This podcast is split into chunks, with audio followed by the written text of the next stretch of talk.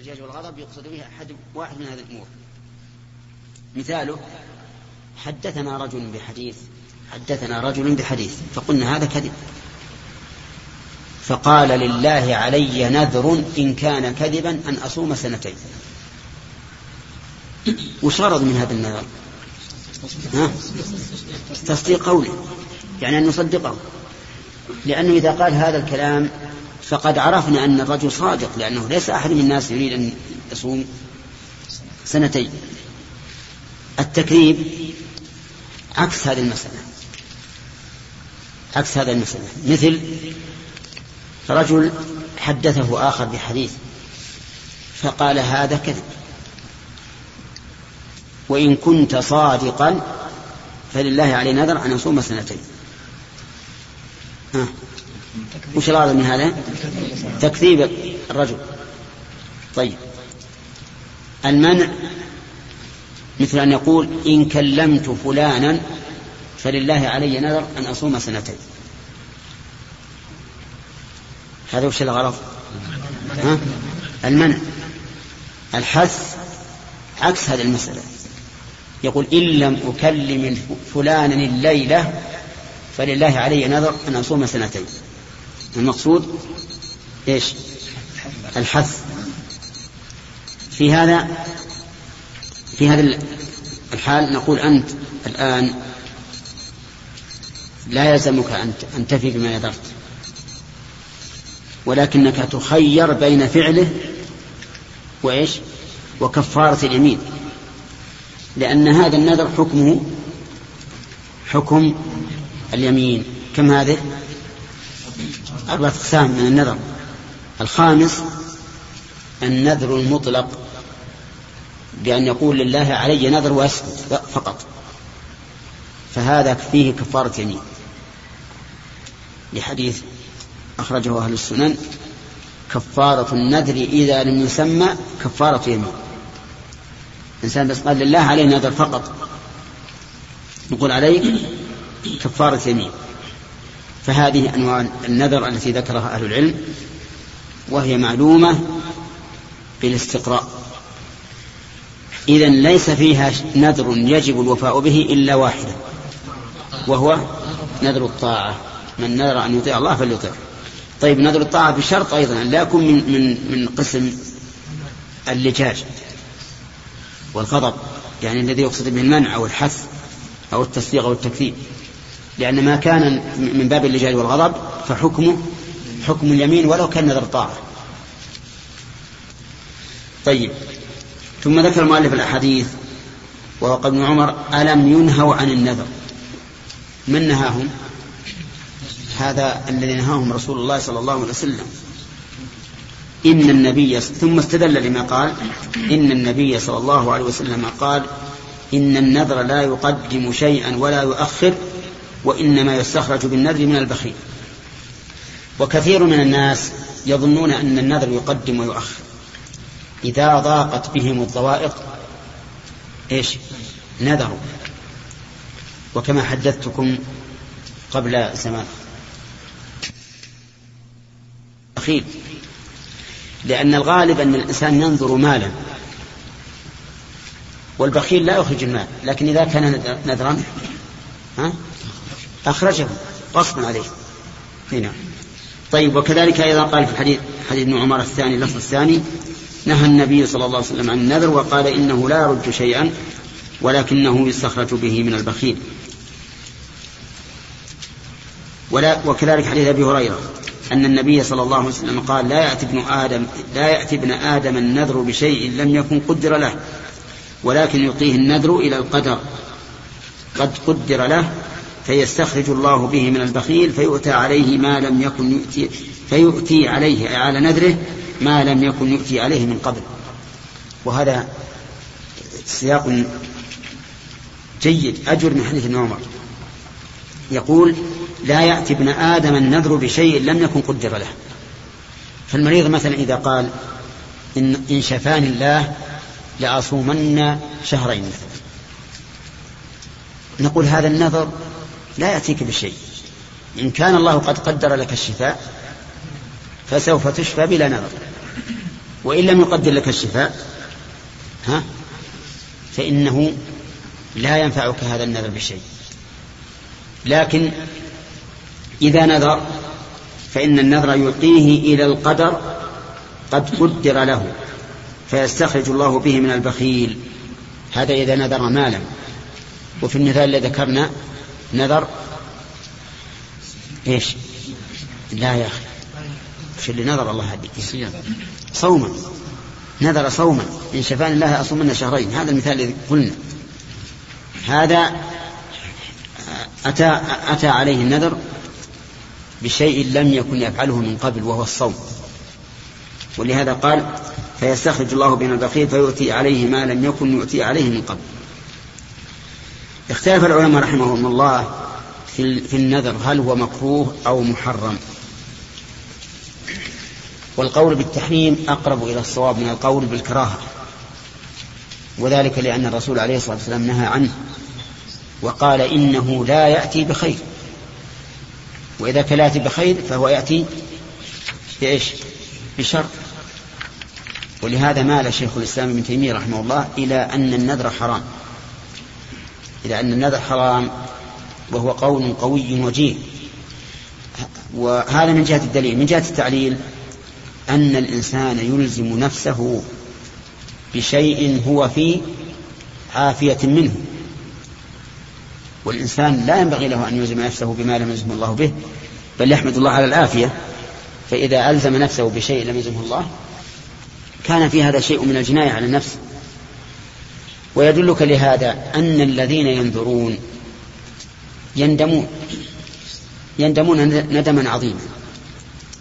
وأحيانا لا يقومون بما نذروا وحينئذ يخشى عليه من العقوبة العظيمة وهي المذكورة في قوله تعالى ومنهم من عاهد الله لئن آتانا من فضله لنصدقن ولنكونن من الصالحين.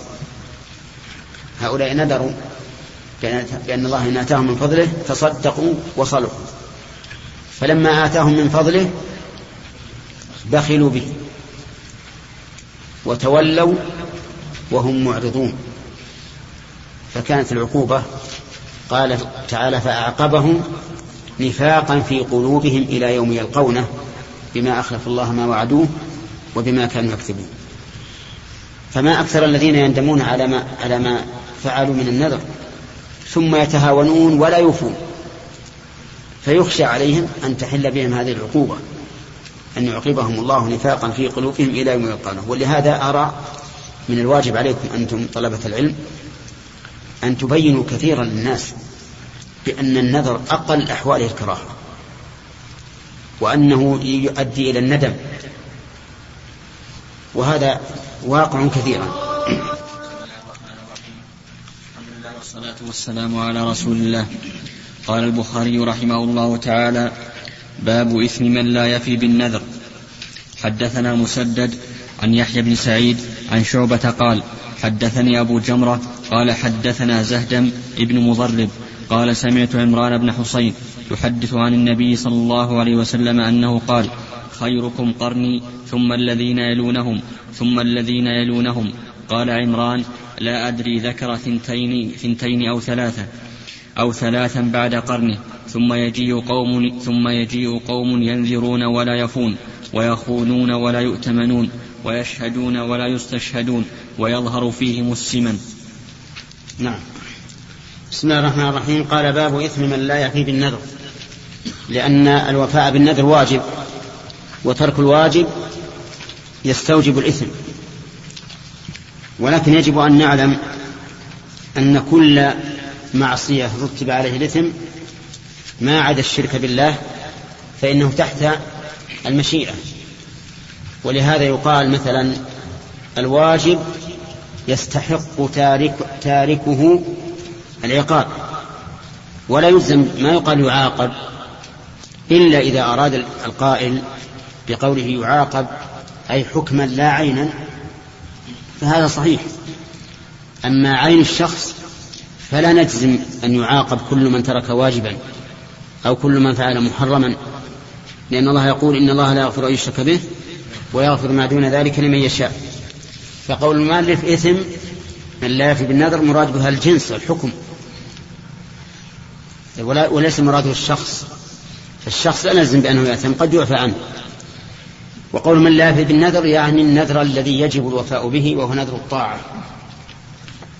وقد سبق لنا أن قسمنا النذر إلى كم؟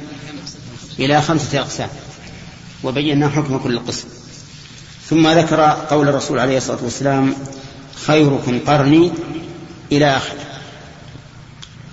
خيركم يعني الخطاب للصحابة مباشرة وللأمة حكما.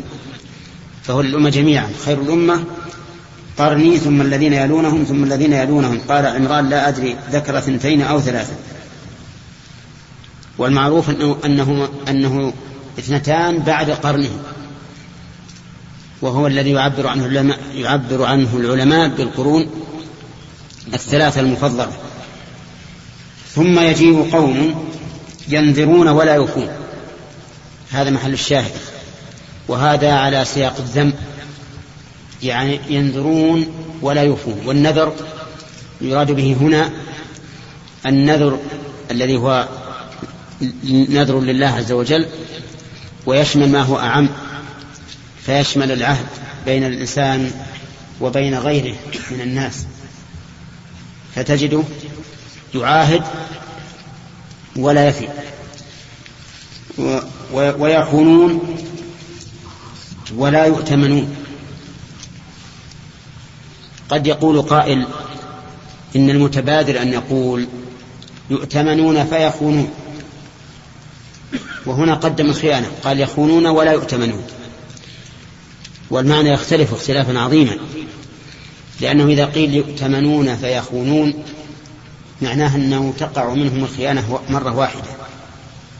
أما إذا قال يخونون فلا يؤتمنون معناه أن الخيانة سجية وخلق لهؤلاء فهم يخونون ولا يأتمنهم الناس لعلمهم بأنهم خونة. طيب و ويشهدون ولا يستشهدون. يشهدون بالشيء من غير أن تطلب منهم الشهادة. ولكن ما معنى من غير أن تطلب منهم الشهادة؟ هل المعنى من غير أن تطلب منهم الشهادة أداء؟ أو المعنى من غير أن تطلب منهم الشهادة تحملا؟ أي يشهدون بشيء لا يعلمون عنه. الحديث محتمل. فعلى المعنى الثاني لا إشكال في ذم هؤلاء. الذين يشهدون بدون أن يتحملوا الشهادة لأنهم إذا شهدوا بدون أن يتحملوها صاروا شهداء زور وشهادة الزور من أكبر الكبائر. أما على المعنى الثاني وهو الذي صدرنا به الكلام وهو أن يؤدوا الشهادة قبل أن تسأل منهم. فهذا فيه إشكال حيث إن ظاهره يعارض قول قول الرسول صلى الله عليه وسلم ألا أخبركم بخير الشهداء الذي يأتي بالشهادة قبل أن يسألها؟ فإن ظاهر هذا الحديث يخالف ظاهر الحديث حديث ظاهر حديث عمران على الوجه الذي ذكرناه. فاختلف الناس في الجمع بينهما فقيل إن معنى قوله ألا أخبركم بخير الشهداء الذي يأتي بالشهادة قبل أن يسألها؟ يحمل على أحد معنيين. المعنى الأول أن هذا كناية عن سرعة المبادرة بالشهادة بحيث يكون من شدة مبادرته إذا احتيج إليه كأنما يؤديها قبل أن إيش؟ يسألها. أو أن يحمل هذا على شخص له شهادة لآخر دون أن يعلمها المشهود له. ففي هذه الحال يؤديها قبل يؤديها قبل أن يسألها. لماذا؟ لأن المشهود له لم لم يعلم. وهذا يقع كثيرا. يسمع رجل رجل شخص من الناس يقر لآخر بحق وهو لا يعلم أنه يسمع ولنفرض أن رجلا نائم نائم في المسجد ويتحدث حوله رجلان. فقال أحدهما للثاني أتذكر حين أقرضتك مئة ألف ريال؟ قال نعم أذكر ذلك وهي عندي لك ثم بعد ذلك أنكر المقر. هم يظنون أن هذا الرجل ها نائم لا يسمع وهو سامع. ففي هذه الحال يؤدي الشهادة قبل أن يسألها لأن صاحب الحق لا يعلم بأنه شاهد بذلك فهذا من خير الشهداء. واضح يا جماعة؟ طيب. إذن حديث عمران إن أريد بقوله يشهدون ولا يستشهدون أي يتحملون الشهادة بدون أن, يش... أن يعلموا. فلا معارضة بينه وبين الحديث الآخر. ألا أخبركم بخير الشهداء؟ وإن أريد به المعنى الثاني ها فظاهرهما التعارض لكنه يحمل الحديث الثاني حديث زيد بن خالد الجهني. ألا أخبركم بخير الشهداء على أنه إيش؟ على أحد معنيين إما أنه كناية عن المبادرة بها بحيث لا يتقاعس أو إنه في حق من عنده شهادة لا يعلم بها صاحب الحق. نعم. أما قوله ويظهر فيهم السمن فكل واحد منكم يلمس جنبه هل هو سمين أو لا؟ نعم. يظهر فيهم السمن السمن في الواقع من خلق الله عز وجل. ولا تصرف للإنسان فيه. قد قد يحب الإنسان أن يكون خفيف اللحم ولكن يسمن. وقد يحب أن يكون سمينا ولكن لا ينال السمن. فكيف يلام الناس على أمر لا حيلة لهم به؟ يعني الواحد منا يقدر إذا إذا أراد الله أن يكون سمينا يقدر أن يخفف؟ ما يستطيع. فكيف يلام على شيء لا يستطيعه؟ نقول إن المراد بذلك أن هؤلاء القوم يعتنون بتربية أبدانهم وتسمين أبدانهم كما تسمن الشاة بالمراعي الجيدة فتجد الواحد منهم ليس له هم ها إلا أكل وما يترك بدنه. وهذا لا شك أنه يشغل القلب عما هو أهم وهو تسمين الروح بالعلم والإيمان. فيكون هذا القرن الذي يأتي بعد القرون الثلاثة يهتمون بإيش؟ بتسمين أبدانهم وإتراف أبدانهم ولا يهتمون بغير ذلك. فيظهر فيهم السمن ولهذا نجد أنه كلما كثر هم الإنسان قل لحمه. قل لحمه. هذا هو الغالب. ويذكر لنا ونحن صغار أن رجلا ابتلي بكثرة اللحم وصار سمينا جدا وصار يتعب. فماذا يصنع؟ يقولون إنه ذهب إلى طبيب. فجعل الطبيب يفحص ويجس جميع بدنه. فقال إنك سوف تموت بعد أربعين يوما. أو قال بعد عشرين يوما. نسيت. المهم إن الرجل قال أربعين يوم قريبة. فصار يأخذه الهم. لا ينام في الليل ولا يأكل في النهار. فما مضى نصف المدة إلا وقد خف وزنه كثيرا. لماذا؟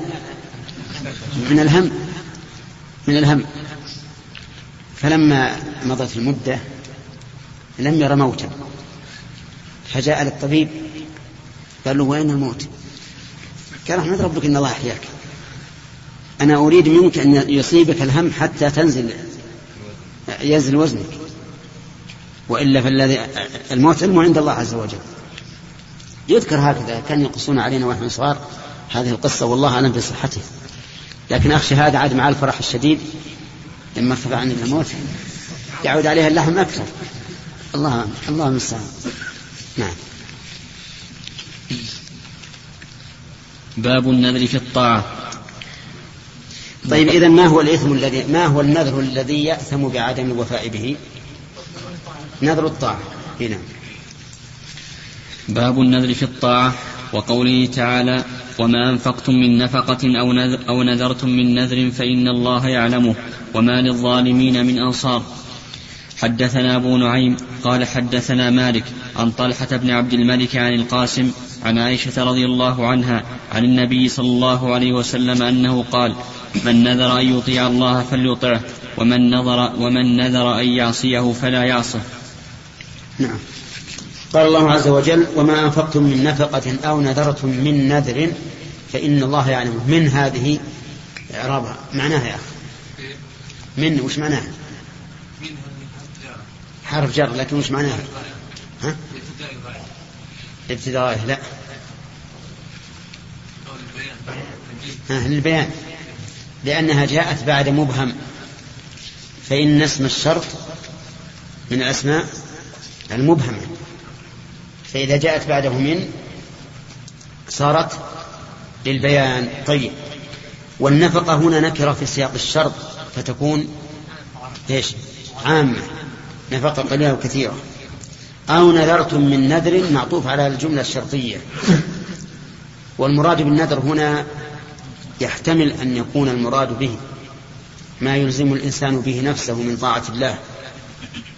ويحتمل أن يراد أن يكون المراد به جميع الواجبات.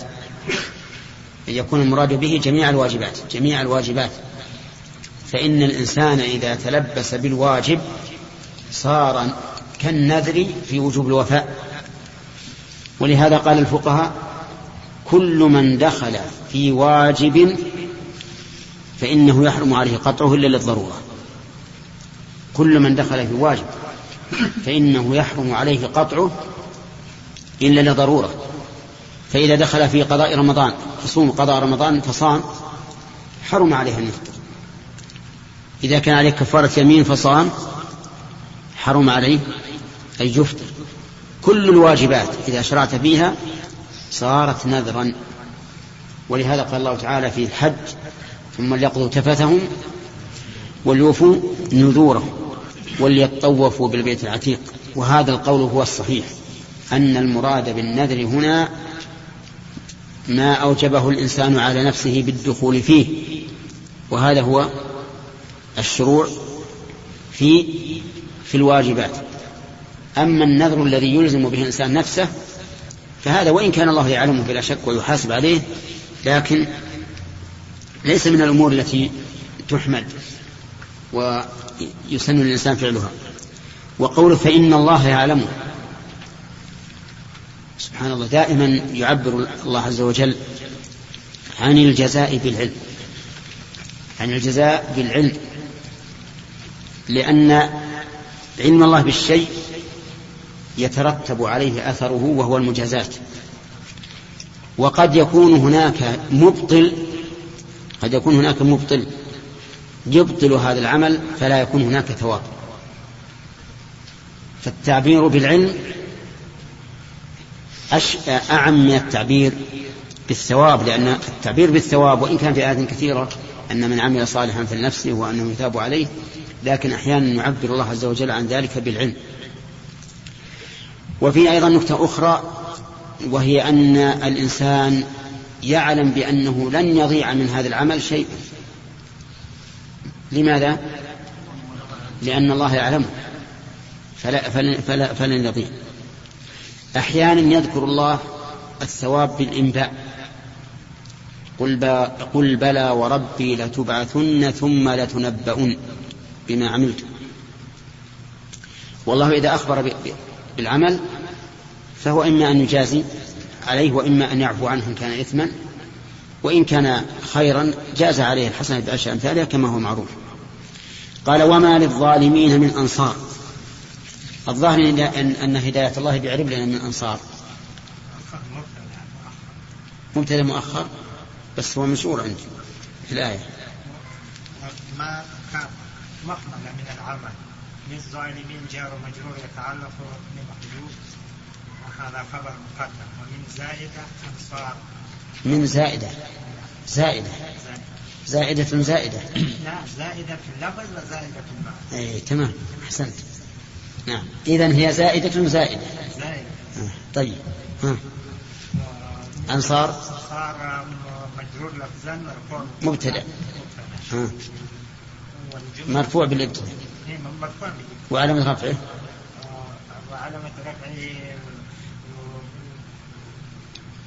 يعني علامة رفعه يعني محنة ما هو محنة محلا يعني لا.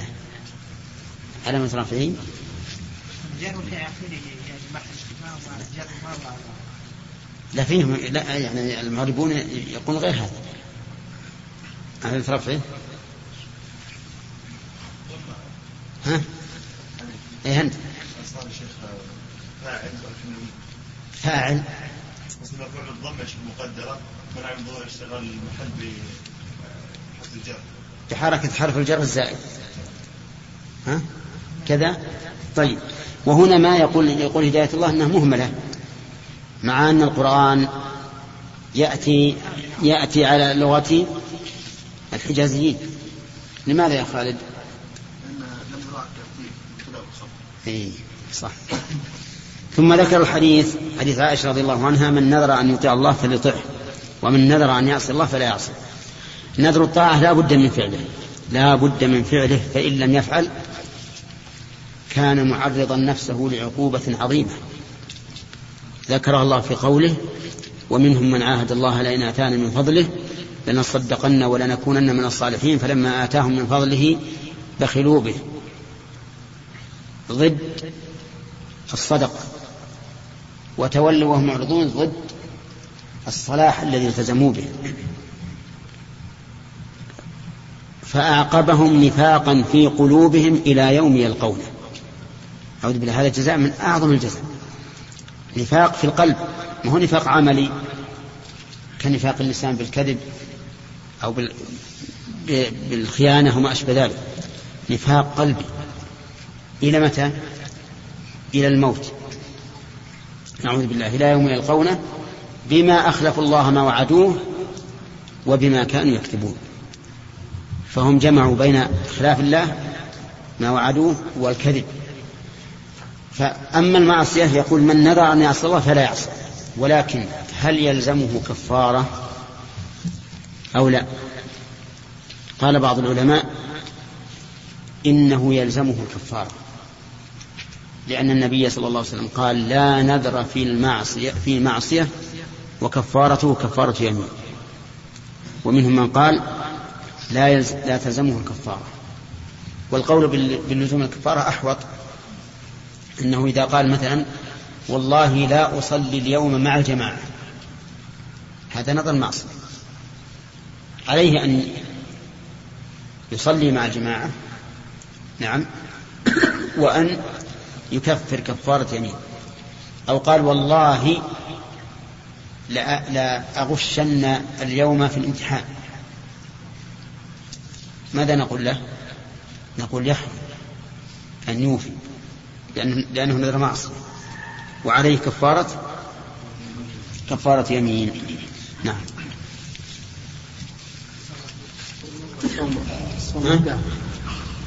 كيف؟ من صيام الدهر يبي يجينا إن شاء الله.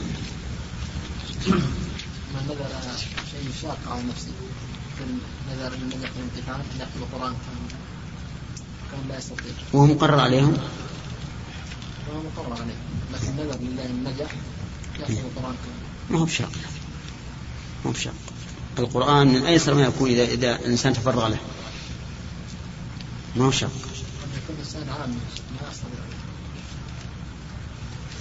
على كل حال يحاول. لأنه مشكل بعد هذا هي ما هو هي؟ نعم. نقدر ماشي. بيجينا نعم. ثلاثة. باب إذا نذر أو حلف أن لا يكلم إنسانا في الجاهلية ثم أسلم. حدثنا محمد بن مقاتل أبو الحسن قال أخبرنا عبد الله قال أخبرنا عبيد الله عبيد الله عبيد الله بن عمر عن نافع عن ابن عمر أن عمر رضي الله تعالى عنه قال يا رسول الله إني نذرت في الجاهلية أن أعتكف ليلة في المسجد الحرام. قال أوف بنذرك. عبيد الله بن عمر عن نافع عن ابن عمر. ابن عمر وش من عبيد الله بن عمر؟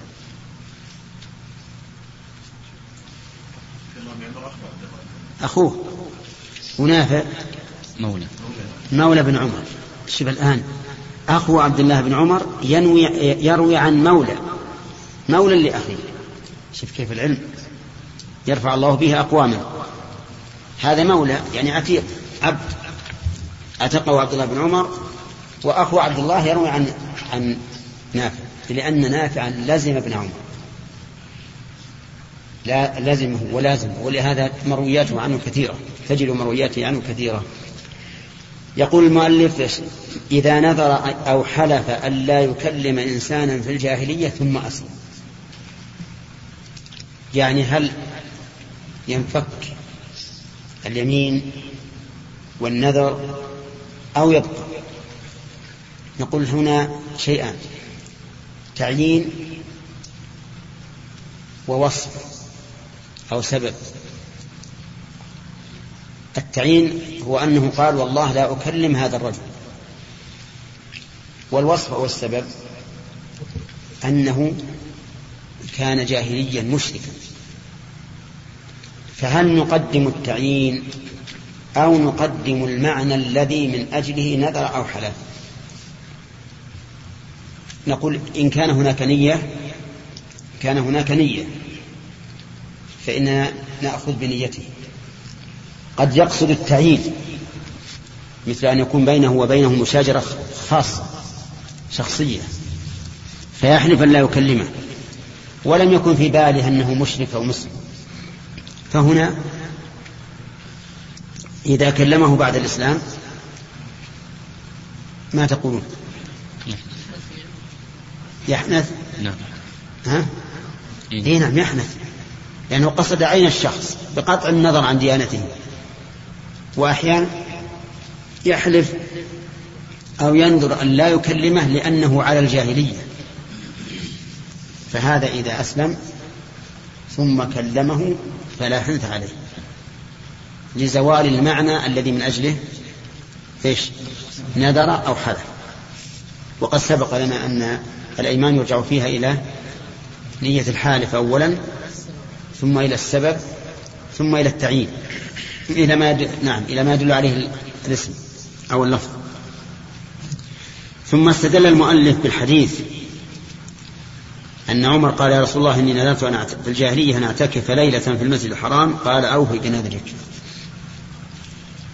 أن أعتكف الاعتكاف لزوم المسجد لطاعة الله. هذا الاعتكاف. وفي هذا الحديث دليل على أن النذر يصح من الكافر. لأن عمر كان كافرا حين النذر. لكن بشرط أن يعتقد الكافر أن هذا عبادة. لأنهم في الجاهلية كانوا يتعبدون بالاعتكاف في المسجد الحرام كما يتعبدون بالطواف فيه. وفيه دليل على أنه يجوز الاعتكاف بغير صوم لأن الليلة ليس محلا للصوم ولكن الحديث قد ورد على ثلاثة أوجه. أن أعتكف يوما أن أعتكف ليلة أن أعتكف يوما أو ليلة بالشك. فمن العلماء من قال إن التعبير بالليلة عن اليوم سائغ وباليوم عن الليلة سائغ وأن أصل هذا النذر يوم وليلة يوم وليلة. قال أوفي بنذرك. و ولكن هل هذا الاعتكاف من باب الأمور المشروعة أو من باب الأمور الجائزة التي لا لا تحرم لكن لا يندب إليها؟ الذي نرى أنه من القسم الثاني لأن بعض الأعمال يقرها الشارع لكن لا يشرعها للأمة على سبيل العموم. نعم وأظن مر علينا في هذا أمثلة منها ها؟ الرجل الذي كان يختم صلاته بقول هو الله أحد. كلما قرأ ختم بقول هو الله أحد. فأقره النبي عليه الصلاة والسلام. نعم. ولكنه نعم. ولكنه لم يشرعه للأمة لا بقوله لا بفعله ولا بقوله. قال أيها الناس اختموا قراءة صلاتكم بقول هو الله أحد. ولكن هو يفعله كذلك الوصال. أقرهم على أن يواصلوا إلى السحر. لكنه ندبهم إلى أن يعجلوا الفطر. كذلك أيضا سأله رجل عن أمه ابتلت نفسها وأنه لو لو تكلمت تصدقت فقال أتصدق عنها قال نعم. ولكن لم يقل للناس تصدقوا عن أمواتكم. لا الذين ماتوا فجأة ولا الذين ماتوا بمرض سعد بن عبادة استأذنه أن يقف مخرافة. نخل يخرف في المدينة على أمه بعد موته فأذن له. ولكن لم يقل للناس أوقفوا عقاراتكم لأمواتكم. بل أرشد أو أومأ بإرشاده عليه الصلاة والسلام إلى خلاف ذلك حيث قال إذا مات الإنسان انقطع عمله إلا من ثلاثة إلا من صدقة جارية أو علم ينتفع به أو ولد صالح يدعو له ولم يقل يتبرع له بصدقة أو وقف مع أن سياق الحديث إيش؟ في العمل. فكان مقتضى هذا لو لو كان من الأمور المشروعة أن يذكر عملا يجعله الإنسان لوالديه. على كل حال نحن نقول لا يسن للإنسان أن يعتكف يوما أو ليلة. ولكن لو فعل لم ننكر عليه. هذه واحدة مسألة أخرى. هل يندب للإنسان كلما دخل المسجد أن ينوي الاعتكاف فيه؟ يرى بعض العلماء أنه يندب له ذلك ويستدل بحديث عمر. ولكن نحن نقول لا يندب. أولا أن فعل عمر ليس مندوبا على ما قررناه. وثانيا أنه قياس مع الفارق. لأن عمر نظر أن يعتكف فهو يريد المسجد لإيش؟ لإعتكاف. لكن هذا جاء للصلاة. ولم نعهد أو لم نسمع أن أحد من الصحابة كان إذا دخل المسجد يريد الإعتكاف فيه. ولو كان هذا من الأمور المشروعة لكانوا هم عن الصحابة أسبق الناس إليه. ولكان الرسول عليه الصلاة والسلام يبلغ للأمة لأنه مفروض عليه أن يبلغ عليه الصلاة والسلام البلاغ المبين وقد قام به على الوجه الأكمل. ولم يدع شيئا يقرب إلى الله إلا دل الأمة عليه. وحسبنا أن نأتي إلى المسجد كما أمر النبي عليه الصلاة والسلام في صلاة الجمعة مبكرين. وفي غيرها إذا سمعنا النداء ولا بأس أيضا أن نتقدم إلى المسجد إذا أردنا زيادة قراءة أو ما أشبه ذلك. إيش الترجمة وش يقول؟ قوله باب إذا نذر أو حلف أن لا يكلم إنسانا في الجاهلية ثم أسلم أي هل يجب عليه الوفاء أو لا؟ والمراد بالجاهلية جاهلية, جاهلية المذكور وهو حاله قبل إسلامه. وأصل الجاهلية ما قبل البعثة. وقد ترجم الطحاوي لهذه المسألة من نذر وهو مشرك ثم أسلم فأوضح المراد. وذكر فيه حديث ابن عمر في نذر عمر في الجاهلية أن أنه يعتكف. فقال له النبي صلى الله عليه وسلم أوف بنذرك. قال ابن بطال قاس البخاري اليمين على النذر. وترك الكلام على الاعتكاف فمن نذر أو حلف قبل أن يسلم على شيء يجب الوفاء به لو كان مسلما فإنه إذا أسلم يجب عليه على ظاهر قصة عمر. قال وبه يقول الشافعي وأبو ثور. كذا قال وكذا نقله ابن حزم عن الإمام الشافعي والمشهور عند الشافعية أنه, أنه وجه لبعضهم وأن الشافعي وأن الشافعي وجل, وجل, أصحاب وجل أصحابه على أنه لا يجب بل يستحب وكذا قال المالكية والحنفية. وعن أحمد في رواية يجب وبه جزم الطبري والمغيرة بن عبد الرحمن من المالكية والبخاري وداود وأتباعه. قلت إن وجد عن البخاري التصريح التصريح بالوجوب التصريح بالوجوب قبل وإلا فمجرد ترجمته لا يدل على أنه يقول بوجوبه لأنه محتمل لأن لأنه محتمل لأن لأن يقول بالندب فيكون تقدير فيكون تقدير الجواب الاستفهام يندب له ذلك. قال القابسي لم يأمر عمر على جهة الإيجاب بل على جهة المشورة كذا قال. وقيل أراد أن يعلمهم أن الوفاء بالنذر من آكد الأمور فغلظ أمره. بأن, بأن أمر عمر بالوفاء واحتج الطحاوي بأن الذي يجب الوفاء به ما يتقرب به إلى الله والكافر لا يصح منه التقرب بالعبادة.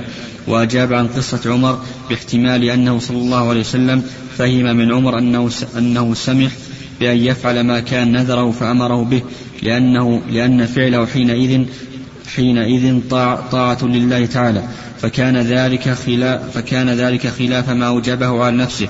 لأن الإسلام يهدم أمر الجاهلية. قال قال ابن دقيق العيد ظاهر الحديث يخالف هذا فإن دل دليل أقوى منه على أنه لا يصح من الكافر على أنه لا يصح من الكافر قوي هذا التأويل وإلا فلا. قول عبد الله صحيح. على أن قولها أوفي بنذرك يحتمل أن يكون الإباحة لأن عمر سأل هل يوفي أو لا يوفي فقال أوفي. وجواب الاستفهام يكون للإباحة. يعني جواب الاستفهام عن الفعل يكون للإباحة. لكن نظرا إلى أنه سماه نذرا. فقال أوفي بنذرك. قد يمنع هذا الاحتمال أي أن يكون الأمر للإباحة وأن يكون دائرا بين الوجوب أو الاستحباب والأصل في الأمر الوجوب. نعم. أليس في دليل على ما قيل جهة القول بأن الكفار مخاطبين في فروع الشريعة؟ هنا. هذا نعم ربما يوحي بأنهم مخاطبون في فروع الشريعة لأنه قال أوف بنذرك شيخ الجمع بين إثبات الجائز غير مشروع؟ وقول في تعريف السنة أنها هي القول والفعل والتقرير. نعم. هذا صحيح. ما ينفي. لكن لأن السنة هنا تقرير على الجواز. هنا السنة تقرير على الجواز. لأنه لولا تقرير الجواز نعم. لعد لعد بدعة لكن تعريف السنة هي السنة مطلوبة؟ لا. التقرير على الجائز أو على المستحب. لو كان الأمر كيف أمر رسول الله صلى الله عليه وسلم بالنذر وما أمر بالصلاة الذي كان في وقت الجاهلية نعم. هذا سؤال جيد. يقول لماذا أمر النبي عليه الصلاة والسلام بالوفاء بالنذر الذي وقع في الجاهلية ولم يأمر بقضاء الصلاة؟ الفرق بينهما. أن النذر مما أوجبه الإنسان على نفسه. فهو الذي التزمه. وأما الصلاة فهي من حق الله وقد قال الله تعالى قل للذين كفروا إن ينتهوا يغفر لهم ما قد سلف. واضح؟ نعم. باب من مات وعليه نذر. وأمر ابن عمر امرأة جعلت امرأة جعلت أمها على نفسها صلاة بقباء فقال صل عنها. وقال ابن عباس صلي عنها. فقال صل عنها. وقال ابن عباس نحو نحوه. حدثنا أبو اليمان قال أخبرنا شعيب عن الزهري قال أخبرني عبيد الله ابن عبد الله أن عبد الله بن عباس أخبره أن سعد بن عبادة الأنصاري استفتى النبي صلى الله عليه وسلم في نذر كان على أمه فتوفيت قبل أن تقضي قبل أن تقضيه فأفتاه أن يقضيه عنها فكانت سنة بعد. حدث نعم. حدثنا آدم قال حدثنا شعبة عن أبي بشر قال سمعت سعيد بن جبير عن ابن عباس رضي الله تعالى عنهما قال أتى رجل النبي صلى الله عليه وسلم فقال له إن أختي نذرت أن تحج وإنها ماتت. فقال النبي صلى الله عليه وسلم لو كان عليها لو كان عليها دين أكنت قاضية؟ أكنت قاضيه؟ قال نعم. قال فاقض الله فهو أحق بالقضاء. نعم من مات وعليه نذر فهل يقضى عنه؟ البخاري رحمه الله لم يجزم ولكنه استدل بأثر بأثرين عن ابن عمر وابن عباس رضي الله عنهم أن امرأة جعلت على أمها على نفسها صلاة بقباء فقال صلي عنها صلي عنها. لو كان المخاطب ذكرا لقال صلي عنها بدون ياء. طيب. صلي عنها يعني في نفس المسجد. بهذا الشريط أحبابنا ينتهي هذا الشرح المبارك إن شاء الله. فجزا الله فضيلة الشيخ كل خير ونفعنا بعلمه. والسلام عليكم ورحمة الله وبركاته. مع تحية إخوانكم في مؤسسة الاستقامة الإسلامية للإنتاج والتوزيع في عنيزة. رقم الهاتف هو ثلاثة ستة أربعة ثمانية ثمانية ثمانية.